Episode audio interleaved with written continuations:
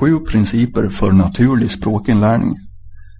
Språkinlärning är i grunden något roligt, eller borde vara det, så länge det sker på ett naturligt sätt, så som hjärnan lär sig. Vi har lärt oss vårt modersmål ganska bra, utan några särskilda instruktioner. Olyckligtvis så har undervisning i främmande språk blivit en komplicerad ritual i klassrummet med otydliga grammatikregler, irriterande övningar, utan tillärning och prov. Resultatet är att många människor tappar lusten att lära sig språk. Kanske skulle de aldrig ha lärt sig sitt modersmål om de fick den här sortens undervisning. En av de mest innovativa tänkarna när det gäller språkinlärning är Steven Krashen som har menat att vi lär oss språk genom meningsfulla intryck och inte avsiktlig instruktion. Hans idéer bekräftas av den senaste forskningen om hur hjärnan lär sig. Något som beskrivs i en utmärkt bok av den tyske hjärnforskaren Manfred Spitzer. Learning, the Human Brain and the School for Life. Enligt Spitzer äger lärandet rum i hjärnan och inte i klassrummet. Här följer sju principer för naturlig språkinlärning som speglar den senaste forskningen om hur hjärnan lär sig. 1. Hjärnan kan lära sig språk. Lita på det. Hjärnan lär sig hela tiden och är i själva verket skapad för ändamålet. Under livets gång behåller hjärnan sin plasticitet, bildar neuroner och nervbanor enligt vad den ser, hör och upplever. Hjärnan drar sina egna slutsatser av intrycken och är bättre på att skapa sina egna regler än att förstå logiska förklaringar. Hjärnan arbetar hela tiden och konsumerar över 20% av kroppens kalorier. Vi kan lära oss språk ända upp i hög ålder och det är faktiskt nyttigt för hjärnan. Hjärnan skapar sina egna regler helt naturligt genom att granska intrycken den får. Hjärnan tar god tid på sig och måste hela tiden exponeras för meningsfullt och intressant innehåll. Hjärnan kan prioritera vad den lär sig. Enkla ämnen först och därefter svårare. 2. Hjärnan behöver stimulans. Ge den massor av meningsfulla intryck. Hjärnan tycker om saker som är relevanta och intressanta. Så om uppgiften är språkinlärning är det viktigast att hjärnan ständigt exponeras för stora mängder intressanta och relevanta intryck. I början när språket är nytt är det till stor hjälp att förstärka och befästa det som redan finns genom upprepat lyssnande och läsande. När vi gör framsteg behöver vi hitta nytt, friskt, intressant, stimulerande och meningsfullt innehåll. Vi lär oss bättre av berättelser, konversationer, exempel och händelser än av regler och fakta. Vi lär oss bättre av innehåll som har betydelse för oss. Det är enklare att lyssna på och läsa innehåll som är på rätt svårighetsgrad. Dock är intresset och relevansen det allra viktigaste.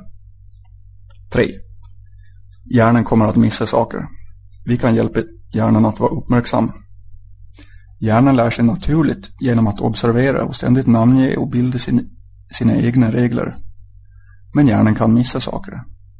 Då och då bör vi titta igenom och repetera grammatiktabeller, fokusera på misstag som vi gör eller studera specifika ord och fraser som vi har lärt oss. Vi bör också försöka skriva och tala om vi känner för det. De här aktiviteterna som dominerar traditionell språkinlärning är emellertid frivilliga och inte så viktiga i ett naturligt språkinlärningssystem.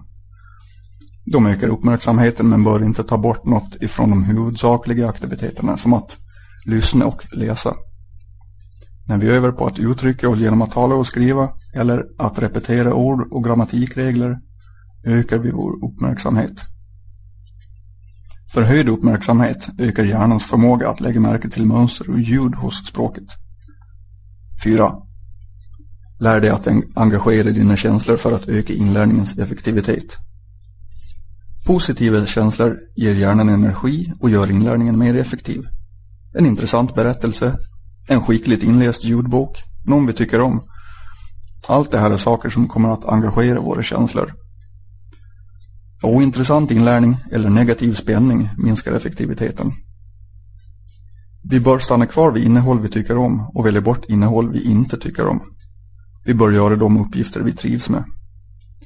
Vi bör alltid kombinera ljud med text och välja berättarröster vi tycker om. Det gör det enklare att lyssna fler gånger. Vi behöver tycka om språket vi studerar och åtminstone ett par aspekter från dess kultur. 5. När du lär dig på ett naturligt sätt känner du dig motiverad av din framgång. Motivation är en grundläggande faktor i inlärning. Framgång är motiverande såväl som beröm. Alla studiesituationer som skapar frustration, som traditionell grammatikbaserad språkundervisning, kan ha direkt motsatt effekt. I en naturlig inlärningssituation är lärarens huvuduppgift att uppmuntra eleven att bli självgående snarare än att påtvinga uppgifter eller förklaringar. Många av oss vill lära sig ett nytt språk men är skeptiska till förmågan att göra det eftersom vi inte har gjort det förr. När märkliga språket börjar få mening genom vårt lyssnande och läsande får hjärnan en känsla av belöning via den nya och oväntade erfarenheten. Det är mycket motiverande. Ge språkinlärning en chans. Resultaten kommer att bli bättre än du anar. 6. När vi lär oss saker förändras vi också. Vi måste acceptera den här förändringen. När vi lär oss förändras nervkopplingarna fysiskt. När vi lär oss ett nytt språk tar vi till oss några beteendemönster från en ny kultur och våra personligheter och iakttagelser förändras. Många svårigheter som vuxna möter vid språkinlärning kommer av ett motstånd att förändras. Det är oftast bekvämare att följa vårt modersmåls mönster och ljud än att helt imitera det nya språket. Barn är inte rädda för förändring. Om de flyttar till ett nytt land lär de sina nya vänners språk utan att tveka. Äldre elever har ett mer låst intresse av sin egen identitet och av vad de redan vet. Alla elever har nytta av en uppmuntrande lärare och en entusiastisk grupp studiekamrater för att övervinna inlärningshindren. 7. Internet. En helt ny värld av naturlig inlärning framför dig. Internet erbjuder en stor mängd innehåll på många språk, många lågprissajter med effektiva inlärningsmetoder, onlinekurser och människor från hela världen som du kan tala och interagera med. Internet har blivit klassrummet, biblioteket, språklabbet och mötesplatsen. Internet är platsen för språkinlärningsrevolutionen, den naturliga språkinlärningsrevolutionen.